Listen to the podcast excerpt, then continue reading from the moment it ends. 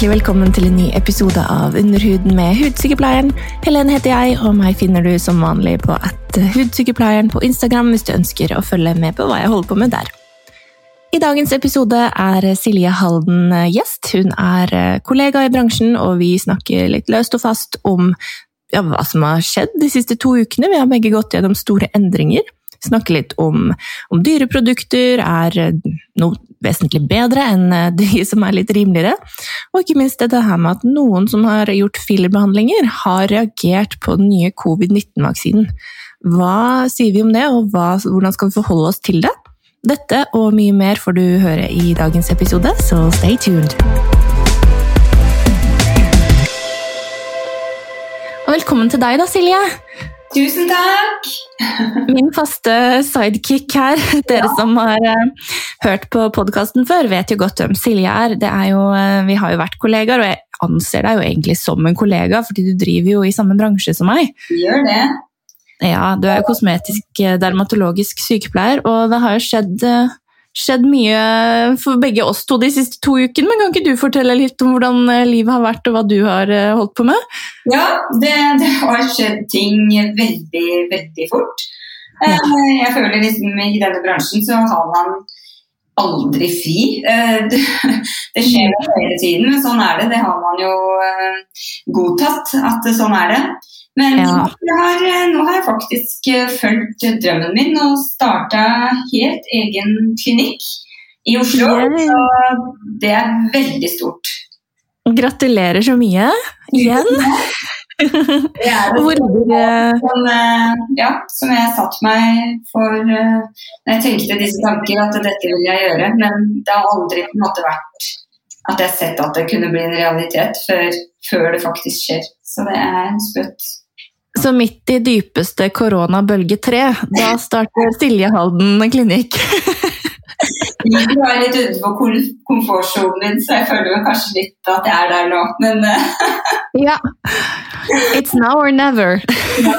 ja, ja. En pandemi skal ikke stoppe, stoppe det.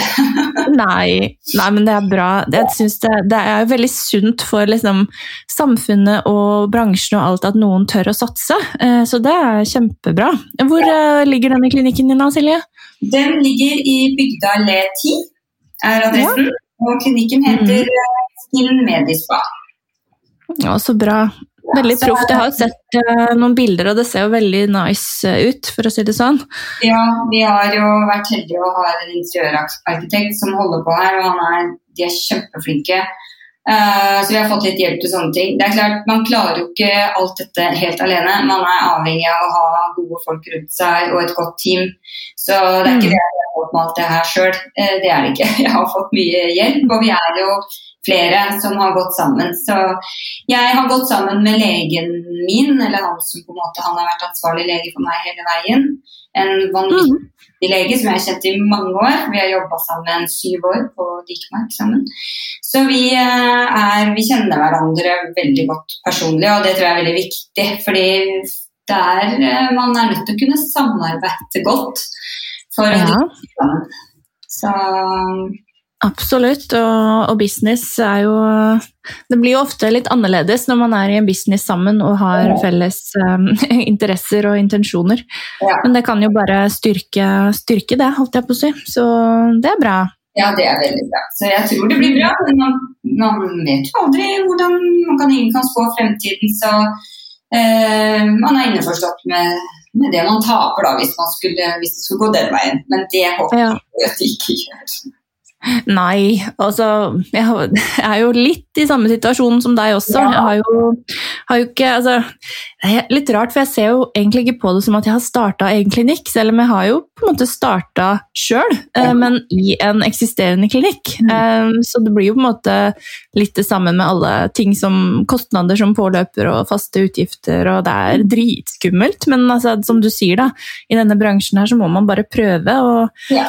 sånn som um, for min del så gikk jo andre jobben konkurs, så da hadde jeg jo ikke akkurat noe valg. Eh, da var det enten eh, hoppe i det eller la være. Og det frista ikke helt å gå tilbake som vanlig sykepleier. For min del, i hvert fall. da. Nei. Enda vi er jo heldige da, Helen, som har den muligheten hvis ting skulle Ja. Ikke, altså Hvis det skjer noe i bransjen, eh, ja. så er vi, jo, er vi jo heldige som har den utdanningen. Det vil jeg jo påstå at det Absolutt. Og det er jo egentlig en luksus og det å kunne følge sin egen drøm, tenker jeg, å gjøre og ha en jobb man trives med å gå til. For det er det nok ikke sånn i all over set så kjempemange som har. Tenker Det er mange som går til en jobb hver dag bare fordi det, det er pengene, liksom. Og det tenker jeg kanskje spesielt eh, i andre land også. Så det er jo Ja. Vi er veldig privilegerte som har muligheten til det. Ja, og du kjenner jo til det. Det er jo ikke Hva skal man si det, Du ofrer mye for å nå det, det, man eh, ønsker, og det er både ja, eh, samboer og Mm. altså, ting som skjer i hjemmet, og det er ja, vennskap kanskje kan gå dunk. Altså, det er mye man må ofre. Tid, ikke minst. Ja. Det er, det er så mye jobb at man må være 100 inn for det. Hvis ikke så er det egentlig ikke noe vits. Mm, nei, jeg er helt enig. Og det er som du sier, man ser jo på en måte hvem som, som gidder å være vennen din til slutt. fordi når man, når man jobber veldig mye og kanskje må ta litt kjipe valg og ikke kan være med på ting, og sånn, så, så er det jo alltid noen som er der til slutt og spør du, åssen går det med deg. Eh, jeg har lyst til å komme til deg når du åpner. Altså, det, det betyr så sykt mye. Ja, det gjør Jeg merker at de som faktisk sier det, og de som kommer, Ja. som gidder å støtte Ja, ja. Uh, uten å be om rabatter og alt mulig, altså de, det er mennesker jeg setter høyt, altså. ja virkelig. Mm. Og nei, man merker det. Det, er jo, blir jo Vi drar jo, begynner å dra på åra. Du er jo yngre enn meg, da, Helene, men det har tatt sin tid å komme seg dit. Det er på en måte Ja. Hm, Skal jeg ikke snart bli pensjonist, kanskje? Jeg vet ikke. Vet du hva, Jeg tenker at vi er like gamle. Ja. Det er så rart at du plutselig sier nei, jeg er så mye eldre, for du ser jo ut som du er yngre enn meg. Så det er jo det er helt vilt. Jobber i bransje. Nettopp. Men apropos når du liksom sier at man må ofre en del. Eh, vi har jo fått inn et par spørsmål på Instagram, og det er jo en som spør veldig om det her. Hvilke veier kan man gå da, for å bli dermatologisk kosmetisk sykepleier og utdanning, og hva, hva koster det på en måte, og hva sitter man igjen med? Og det er jo veldig individuelt, da. Hva tenker du? Ja, det er det. Altså, jeg tenker sånn at ønsker man å gå den veien her, så, så må man regne med at det blir tøft. Det er det tøffeste jeg noen gang har gjort. Mm. Uh, og i hvert fall i og med at man har familie og barn og sånne ting i tillegg, så, så blir det ganske Og det krever så mye lesing og altså, kontinuerlig oppdatering. Vi er jo langt fra utlært, liksom. Vi sitter her og Ja, ja. vi har så mye mer å lære, og man må brenne, virkelig brenne for det. Og da, når du tenker sånn, da kan du begynne på utdanningen. Ja, dette er ikke noe sånn hyggelig side eh, job altså, som, man, eh, som man kan ha, sitte med to timer på kveldstid. Det For det er ikke sånn det funker. Nei. Jeg tror faktisk ikke man kommer gjennom en utdannelse ved å gjøre det sånn heller. nei, ikke det. Og det koster mye penger òg. Alt koster penger.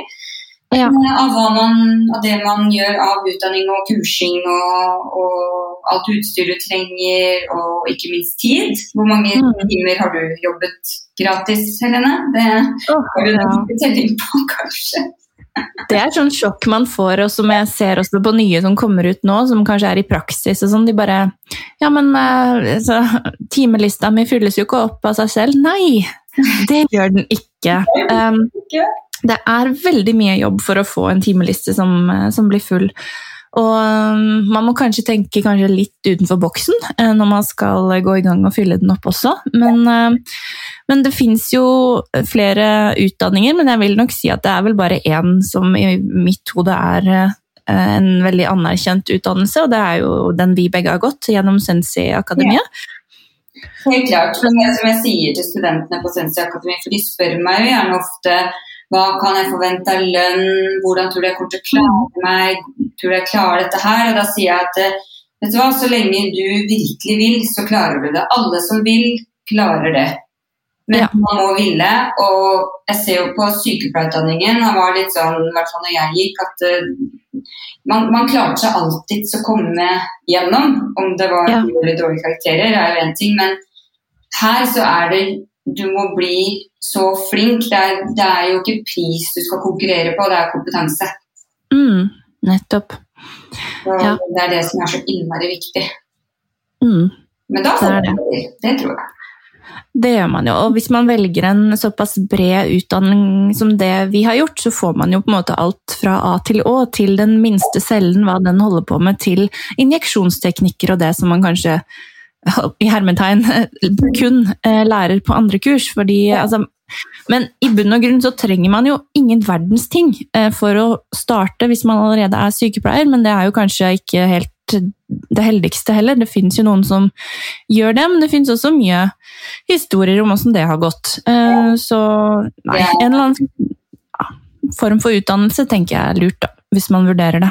Ja, det er litt risikosport å holde på med sånne ting når du ikke vet helt hva du gjør, eller du vet ikke hva en hudcelle er, eller pinnecelle er, eller noen ting om hvor de ligger, eller ja, ingenting om ingredienser, og da er det så, da skyter du i blinde, altså. Da, Ja, klart. Og jeg har sett mye skader på, Ja. på pasienter, så det ikke bra. Ja, det er, det er litt skummelt. Og så er det litt det her, den Dunning-Kruger-effekten. At hvis man går på ett lite kurs eh, laget av en, en importør av en filler f.eks., Ja. så er jo det kurset veldig mye nytt, og da tror man at man, ja, man kan alt da, når man er ferdig der. Men man kan ikke nok til å skjønne at det er så fryktelig lite man faktisk kan, hvis det gir mening. Ja, ja, ja, det er helt riktig. Vi ser jo det, vi. Jo mer vi Ja.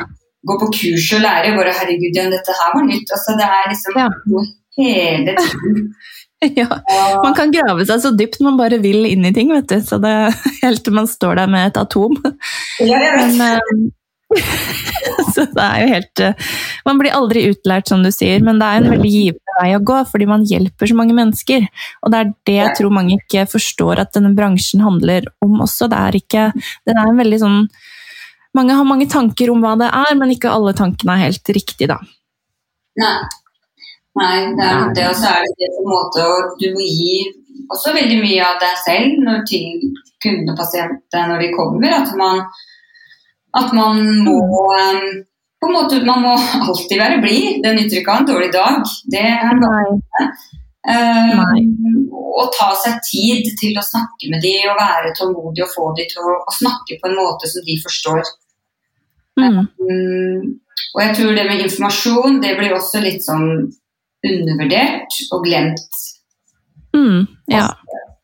Det skaper trygghet, og at noen lytter og tar deg på alvor og gir masse informasjon. Og, um, og får det til å føles veldig uforpliktende, fordi jeg ønsker jo ikke at folk skal verken kjøpe noe eller gjennomføre en behandling hvis ikke de har 100% lyst til det selv. Ja. Og det prøver jeg å være veldig sånn åpen på, da. Ja, ja, ja, man er nødt til å samarbeide med pasientene sine. Hvis ikke så er det ikke noe poeng å starte noe i det hele tatt, egentlig. Nei, nei det er sant. Ja, nei, det, er mye å tenke, det mye å tenke på. Det er det. Det er det absolutt. Det har jo vært mye snakk om denne her um, altså Nå er vi jo i dypeste koronapandemien, eh, og i noen måneder nå så har det svirra litt eh, rykter og diskusjoner rundt dette her med at vaksinen kan eh, få filler i ansiktet til å blusse opp eller hovne opp, da. Um, så det er også jeg som har spurt om det, om det liksom er sant. Er det en bivirkning um, på denne vaksinen? Mm. Og um, altså Det var vel to, nei, tre av 30 000 um, pasienter som hadde rapportert at de hadde merket noe uh, i etterkant av uh, vaksinen, men at det var um, Altså tre av 30 000. eh, Det er eh, ganske lite. Og de hadde utviklet noe hevelse. Men da hadde, to av de hadde fått fillerbehandling seks måneder før, og én hadde fått leppebehandling to dager etter vaksinasjonen. Ja. Så det er på en måte ikke så veldig mm, relevant, og man skal i hvert fall ikke ikke ta den vaksinen eh, hvis man har filler. Det er, ikke, det er ikke sånn det funker. Ja. Eh, og dette kan jo også behandles, eh, holdt jeg på å si. Men eh, jeg har jo sett eh, noen leger som har uttalt seg om det, og noen av de anbefaler å vente med å eventuelt gjøre fillerbehandling inntil da fire uker etter en vaksinasjon.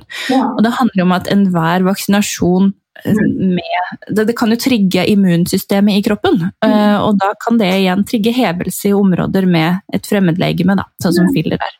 Sånn er det jo med alle vaksiner. at man Sånn er det. En, en tanke rundt det. Ja. Nei da. Så det, det er bare å vaksinere seg. Ja, det er bare å vaksinere seg. Det, går det bra med meg, så går det i hvert fall bra med andre, vil jeg tro. Ja, så går det bra med Kardashians, så går det bra med Uff. Der. De har mye filler eh, i ansiktene sine. Jeg tror de tar vaksine. Jeg har lagt ut uh, bilde av dem på Facebook. Ja, jeg så det. Ja. ja. Nei, ja. Man skal være så engstelig for det. Og som du sier, hvis man skulle få en reaksjon, så går det an å behandle den. Så, eh, og reaksjoner kan man få med filler uansett om korona ja. eller ei. Absolutt. Absolutt. Det, eh, vi har fått veldig mye spørsmål handler om eh, dette her med voksenakne og behandling av det. Det er, det er visstnok et tema som aldri går eh, av moten, ser det ut som. Hva er dine liksom, beste råd og tips til de som er 20 pluss, kanskje til og med 30, og fortsatt ikke har eh, fått bukt med denne mm. Akten sin? Nei, det er det, da. Det er jo et, en vanskelig problemstilling. For det er jo ja. ofte at det kommer av en eller annen årsak som kan noen ganger være vanskelig å behandle. Selv mm. Men det er klart jeg anbefaler jo å oppsøke eh, en profesjonell terapeut, som kan, altså en kosmetisk sykepleier, eventuelt lege, som kan hjelpe deg og veilede deg i forhold til hva man kan gjøre. Og mm. man kanskje må ha legemidler eh, hvis legemidler må inn i bildet. Ja. Men jeg har opplevd flere uh, situasjoner hvor man har klart å uh, jobbe med det med behandlinger og med gode produkter.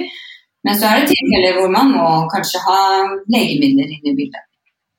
Ja, det har så mye å si hva baseline er. For ja. det er klart kommer det en pasient som ikke ha, gjør noe særlig hudpleie, ikke har noe særlig rutine, mm. så er det på en måte enklere å komme i gang og kanskje få raske resultater enn om det er noen som har prøvd veldig mye forskjellig eh, aktive ingredienser og kremer og på en måte ikke Det har stoppet opp.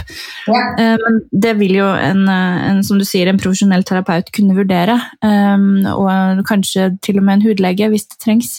Men det er jo klart, hormonelle svingninger har vi jo hele livet, og det er jo dessverre sånn at noen kvinner har mye mer androgene hormoner, altså testosteron bl.a., i kroppen som, som skaper trøbbel, da, fordi det gjør jo igjen at vi har mer oljeproduksjon. Og olje er roten til alt vondt i ja. huden. Det er det. Og inflammasjon og ja. den lille det... vi får i huden. Så det virker som at ja, det er veldig mange som kommer til meg som på en måte, som på en måte sier at ja, men jeg har ikke lyst til å gå på sånn isotretinoinkur. Så tenker jeg at ja, det er kanskje siste steget. Ja. Det er veldig, veldig mye man kan prøve før det i forhold til både aktive stoffer i, um, i produkter, til prevensjon um, som er kosmetisk bra, som, og til, til og med medisiner som demper da, de androgene hormonene. Så det er veldig, veldig mye man kan prøve først. Det er det. Så jeg har jo opplevd eh, altså de tilfellene hvor jeg ikke har klart å komme i mål. Um, mm. Men da har man i hvert fall prøvd først. Og så kan man da henvises videre til uh, hudlege. Ja, og da vet vi jo vi om noen som er veldig flinke, som vi ofte kanskje henviser til. Ja, så får man bare fortsette behandlingen der. Og så kan man gå mm. tilbake, eller man bør jo bruke produkter, altså, men det er klart, bruker man isotretinoin, så er jo det tøft for huden i utgangspunktet, så da skal man jo være forsiktig med syrer og sånne ting. Ja, ja isotretinoin er jo rett og slett eh, A-vitamin i kapselform. Ja som er ment for å tørke ut uh, talget fra innsiden. Dette vet jo du alt om. Men um, ja, det er en veldig tøff behandling, for da blir man, spesielt på vinterstid, for man blir jo tørr både i øynene og i nesen og kan bli neseblod og ja, bare Huden man blir tørr, for å si det sånn. Det er alle mulige ja.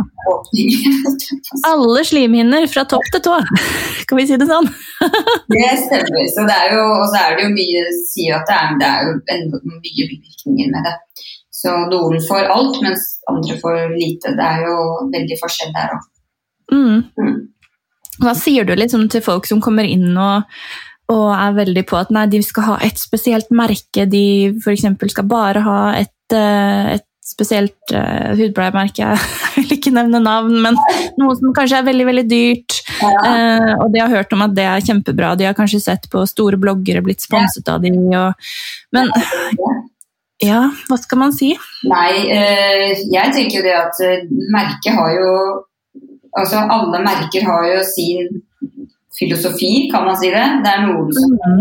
noen som mener noe annet av disse som har utarbeidet disse forskjellige typer cosmeceuticals. Da. Ja. Uh, men til syvende og sist så er det jo ingredienser, leveringsmetoder og sånne ting. Det er det som betyr noe. Ja. Så jeg sier jo det at jeg har selger merker som fungerer vel så godt som det du snakker om. Mm. Mm. Uh, for det er det jeg opplever også, at ja at eh, noen altså Man blir jo påvirket av alle, alle, kanaler rundt seg. I hvert fall hvis man er eh, 20-30-åra og, og, følger folk som man ser har perfekt hud, ikke sant? som bruker disse tingene. Ja. Men det er ikke sånn at man er nødt til å bruke mangfoldige tusen hver annen måned på å opprettholde et godt uh, hudprogram. Nei, det er jo veldig mye ja, det er mye kvalitet på markedet nå, og man får veldig veldig mye hos andre merker også, som er vel så bra, syns jeg. da. Selvfølgelig, alle serier har veldig veldig gode produkter, noen og noen mindre gode, eh, men eh, sånn er det jo. Ja. Eh, mm. Så jeg syns det at det viktigste, fordi at veldig mange opplever at de har prøvd mye, men ingenting fungerer, men så har de gjerne kanskje fått feil produkter. da. At de har fått mm. feil ingredienser, de har fått feil syrer.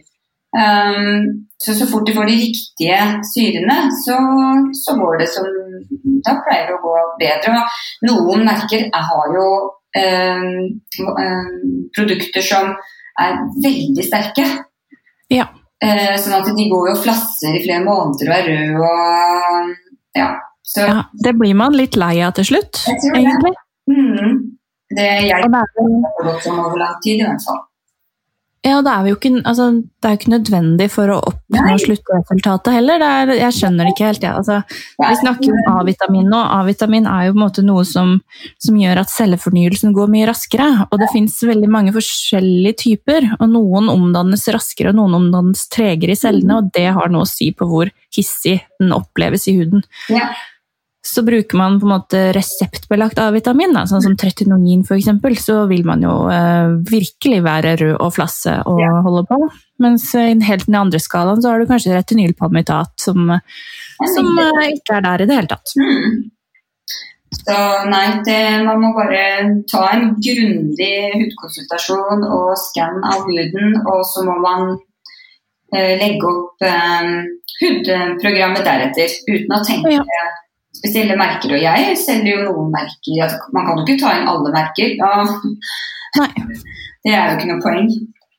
Nei, det er ikke det. Man, man, finner seg jo sine favoritter, og veldig ofte så er jo de favorittene faktisk de samme som, som andre sine favoritter, som er veldig opptatt av hud. Så det lover jo godt. Man ser jo det, og det gjør jo du og Helene, man ser jo det på pasientene at de får en hudforbedring. Mm, eh, ved å bare bruke produkter. Mm.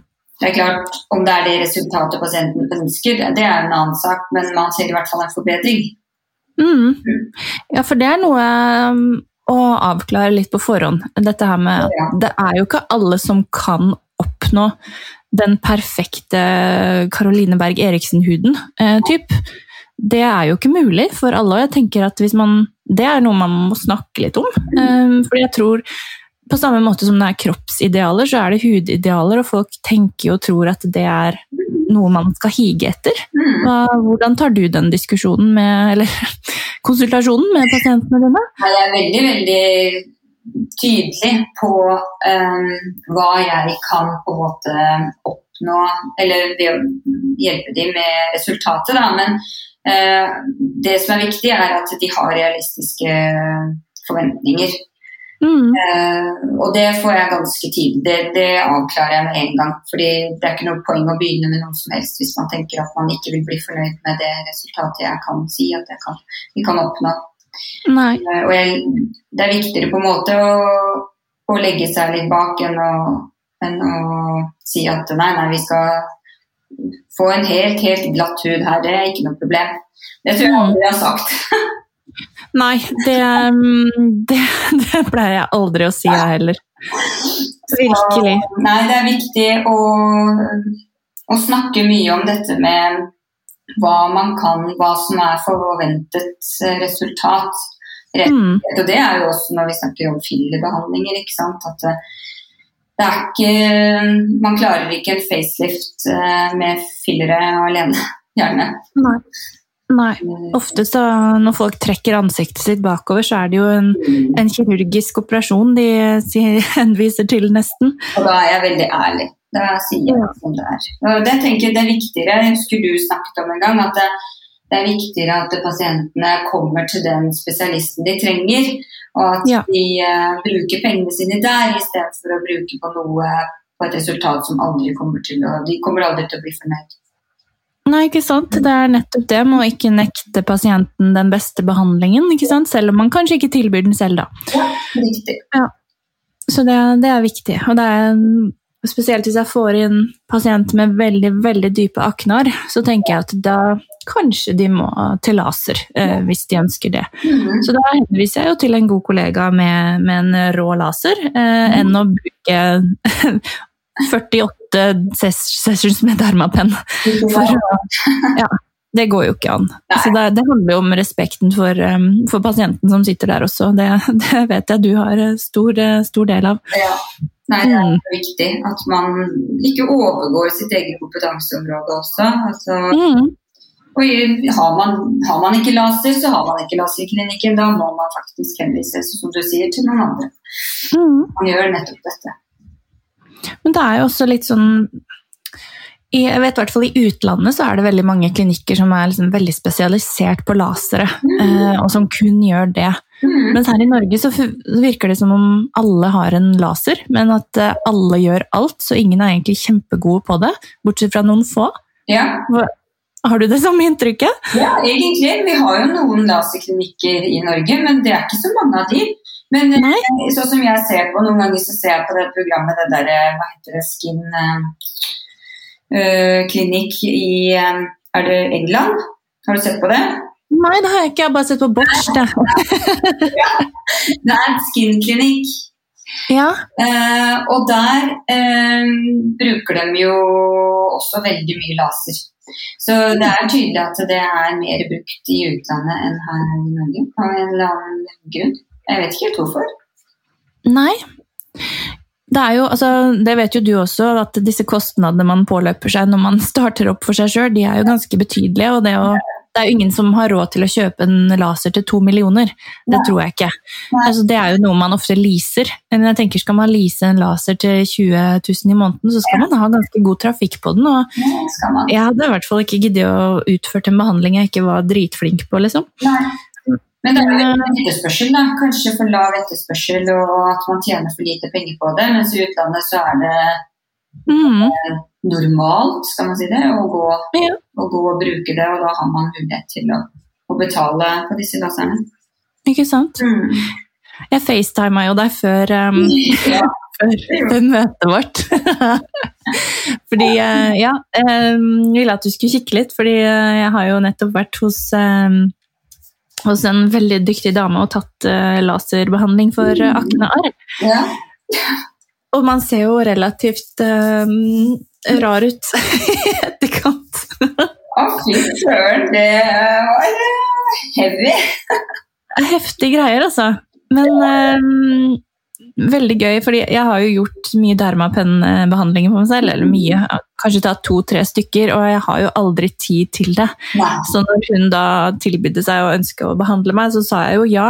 Har jeg, for jeg har lyst til å prøve alt. jeg prøver alt.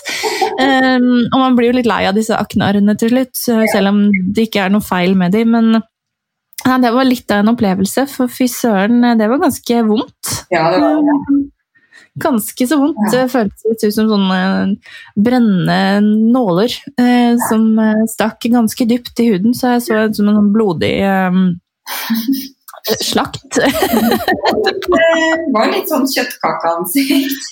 Å, fytti katta. Ja, det føles litt spesielt òg. Uff. Men eh, det blir veldig spennende å se fremgangen, da. Jeg gleder meg til å se resultatet. Ja. Det blir bra. Men du skal vel kanskje ha et par behandlinger til? Jeg vet ikke om jeg tør. Nei da. jo da. Jeg får ha i hvert fall en eller to til, tenker jeg. Um, så det blir spennende å få oppdatere dere på resultatet underveis. Ja, for det er jo sånn man tenker man går i denne bransjen tenker man, ok, nå skal jeg fikse på, altså, nå skal jeg gjøre, være flink med hudbehandlinger og sånne ting. Mm, er du det? Nei. Ja, det, det er eh, Jeg prøver da, for jeg, jeg er veldig glad Jeg er jo veldig glad i mesoterapi og mikromidling.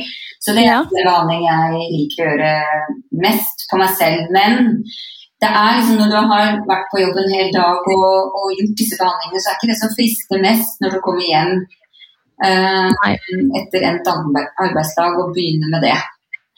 Nei, og det er jo ikke sånn alltid et eh, alternativ å gjøre det før en arbeidsdag heller. Nei, eller under en arbeidsdag. da, så er det, er liksom det å stå, og så kommer det noen inn, og så går du ut der med halvt rødt ansikt og Ja. Nei, det er jo kanskje ikke så profesjonelt. Jeg tenker at det, det kan jeg spare meg for. Så, Ja. ja. så nei da. Men, så sånne ting skjønner jeg at man må gjøre kanskje på jobb etter arbeidsdagen, istedenfor Mm. hvis man klarer at du får være igjen en time i dag. Men ja, det er en sånn eh, terskel å gidde å gjøre det. Um, høres kanskje rart ut, men uh, fy søren, det er ganske tappende um, å stå Og det er jo kjempehyggelig, men man blir tappet av å være litt hobbypsykolog også. eh, for Ja. eh, det er veldig hyggelig, jeg elsker det, men eh, jeg har ikke sånn kjempelyst til å snakke med andre mennesker resten av dagen. Det er ikke det første du gjør, er å ringe til noen på vei hjem og bare prate. Nei, nei. Man trenger en liten sånn pause. Det, det gjør man. Men jeg syns det med jobben å være hobbypsykolog, jeg, det er jo kanskje den biten jeg liker aller best. Så Mm. jeg syns det er veldig, veldig bra. Og jeg merker at mange setter pris på det. Ja, Mm. og jeg, jeg er jo i samme Jeg, jeg gjør jo det sjøl også når jeg er hos terapeuter som jeg stoler på, jeg, Ja. som jeg liker. Jeg bare åpner opp og bretter ut. Og, og det er jo så deilig å bare lette litt på det trykket som man kanskje går inne med. Da. Det er jo, og det, innebygd stress, det viser seg i huden også. Det er ingen tvil om. Og det er så mange som har, uh, har det. Mm. Eh, så det også kommer ofte frem på konsultasjon. Ikke sant? Kanskje har gått en periode. Har, de hatt, har det vært noe spesielt den siste tiden og, og sånt. Ja. Og ofte så det er jo en som spør her litt sånn i forhold til etter lang tids sykdom og føler hun seg sliten ut og poser under øynene og lurer liksom litt på hvordan hun kan gå frem for å få det bort. da. Ja, ikke sant? Pose under øynene er kanskje noe av det vanskeligste som man kan jobbe med. Jeg vet det, for det finnes flere forskjellige typer behandlinger man kan gjøre, men eh, Mm. det blir litt igjen på kanskje litt mer spesialisert, da. Mm, og det kommer jo helt an på type hva slags hva, hva er det, hva er årsaken til det. Er det eller eh, er det fettpose, altså hva er det for noe? Mm. Det er nettopp det. Da må man i hvert fall kikke på det først. Og det er ikke sånn at uh, tåregropsfiller løser alt her i verden. Um, um, nå, du vet hva jeg så på Instagram? Nei. Jeg så at det har begynt å bli trendy med ringer under øynene. Det var noen som tok på seg sminke, og de tok litt sånn på først concealer under øynene, og så tok de en brun sånn skygge, sånn contour-blyant, og tegnet tåregropen sin med den kon ja, det ble faktisk kjempefint. Så jeg tenker at eh, hvis man kan normalisere litt naturlige strukturer i ansiktet, så I'm all in. ja, ja, ja, herregud, det, det må jeg se, se på. Jeg har ikke sett det. Jo, nei, jeg bare dukket opp i eh, feeden eh, på utforsker eller et eller annet. Men eh, nå er jeg litt sånn smink sminkegeek. Ja, det- Eh, Kan hende det er derfor. Men ok, spennende. Ja, det er alltid det er liksom, man, man kan aldri vinne eh, over trender. For det er jo liksom, Før så var det sånn nei, da skulle kvinner ha flat rumpe, Ja. og nå skal det være Kim Kardashian, og folk dør på operasjonsbord. og det er jo, Man kan ikke vinne. Jeg tror man bare må akseptere seg selv sånn som man er. altså. ja, man må nesten det. Eh, Mm. og det vil alltid være trender og ja, det som kommer frem i sosiale medier, og så henger folk seg på. Men ja, man må heller prøve å være fornøyd med, med den man er selv. Ikke sant? Hva er, det, det, hva er det folk kommer og spør deg om som du tenker at oi, det er litt rart, eller det, det tror jeg ikke du ønsker deg om et år? Det noe, har du fått noen rare forespørsler? Nei, egentlig ikke. Jeg har, jeg har egentlig ikke det. det. Det eneste som har vært, er den leppetrenden, men den begynner å gå mer og mer bort, heldigvis. Ja. Eh, Mm. Men da har jeg fått forespørsmål om hva koster det for to milliliter i leppene. Liksom. Jeg bare, du, det, det gjør dessverre ikke jeg. Det, Nei, nei. to milliliter i leppene, det, det handler ikke om mengden. Det handler om at du skal få et naturlig resultat, ikke noe annet enn det. Nei, Så, ikke sant. ja, så de kommer egentlig ikke til meg, fordi Nei. nei, Nei! That's not you. Nei, men utenom det så tror jeg ingen har kommet med en sånn veldig spesielt. Nei, jeg har veldig mange av damer 50 år, overgangsalder, som har mistet mye, har et stort volumtap i eh, ansiktet. Mm, ja. Og litt sånn grå gustehud. Mm, Så det er veldig sant. gruppa, gruppa mi. Mm. Hva med deg? Eh, jeg hadde vel en Jeg har hatt et par som har kommet og spurt om jeg kan lage sånn Foxy Eyes og sånn. Men um, nummer én, eh, det er jo ofte noe man gjør med kanskje tråder eller kirurgi. Yeah. Ikke med Botox og filler. Man kan på en måte lage et lite brynsløft med Botox hvis man har den, den anatomien til det. Men eh, altså, nei. Og dessuten, det er, jeg prøver å ikke endre menneskers liksom, karakter eller utseende på den måten. fordi da, Hvis man ser på Bella Hadid, da, som har gjort denne Foxy Eyes-greia trendy, Ja, så ser hun ut som et annet, en annen person. ja, det Eh, er klart. Og det, det har jeg ikke lyst til å bidra til, rett og slett. Nei. Nei, det er klart når man begynner med sånne ting, så, så vil man jo endre utseendet. Eh, og det kan man jo gjøre med filler òg, hvis man pøser Jo. på med altfor mye. Så det skal man være veldig forsiktig med. Ja. Men det er sånne ting man lærer med erfaring, tenker jeg. At man må bare passe på at det skal være naturlig resultat. Ja. Og alle som går ut fra kontorene våre, så er jo eh, levende reklameplakater. Så det kommer jo an på hva man ønsker å stå for som behandler òg, tenker jeg. Helt klart. Helt klart. Mm. Ja. Så ja. Men eh, litt sånn på tampen, Silje, har du noen, eh, noen tips, eh, oppfordringer til folk sin hud nå som det har vært så kaldt, og det kommer til å bli kaldere òg? Ja, vet du hva, det merker jeg så godt selv òg. Og jeg bruker en del aktive ingredienser hjemme, så huden min er knusktørr samtidig som jeg bruker munnbind, og det bare Ja. det, blir sandpapir til slutt. Så jeg, nei, jeg har, det er pøs på med, med masse fuktighet. Ja. Ehm, og spesielt nå som vi må gå med munnbind, så mange må gå med munnbind på jobb hele dagen. Ta Mm. med deg en fuktighetskrem på jobb. ja. Eh, og bruk den, eh, så man kan dempe det noe i hvert fall. Ikke sånn, det, det var godt tips, da. Bare ikke gidd å sminke deg, og bare bruk krem isteden. Ja. Eh, Man trenger ikke å sminke seg så mye når man går med munnbind hele dagen uansett. Nei, det er sant. Men jeg tenker man kan jo Altså Det har vært litt sånn snakk om kuldekrem også.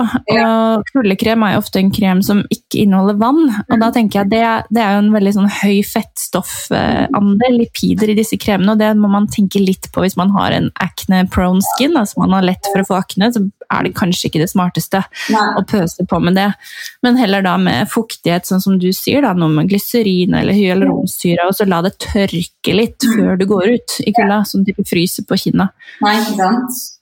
Så, og så merker man jo når man bruker mye aktive ingredienser òg, og hvis man gjør det hjemme, bruker mye syre, så vil man jo bli kjenne det godt nå. At man Ja. når det har vært så kaldt som det har vært. Ja. Det er klart.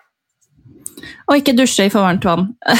Bare minst mulig temperatursvingninger på den stakkars huden. Ja, det tror jeg mange glemmer. Det med Ja. tenker på, det med varme vannet. Men jeg, jeg gjør det sjøl òg. Ja. Nei, men Helene, I know. er pasient. Hyggelig å prate med deg, så får du ha masse lykke til videre. Så snakkes vi senere. Det gjør vi.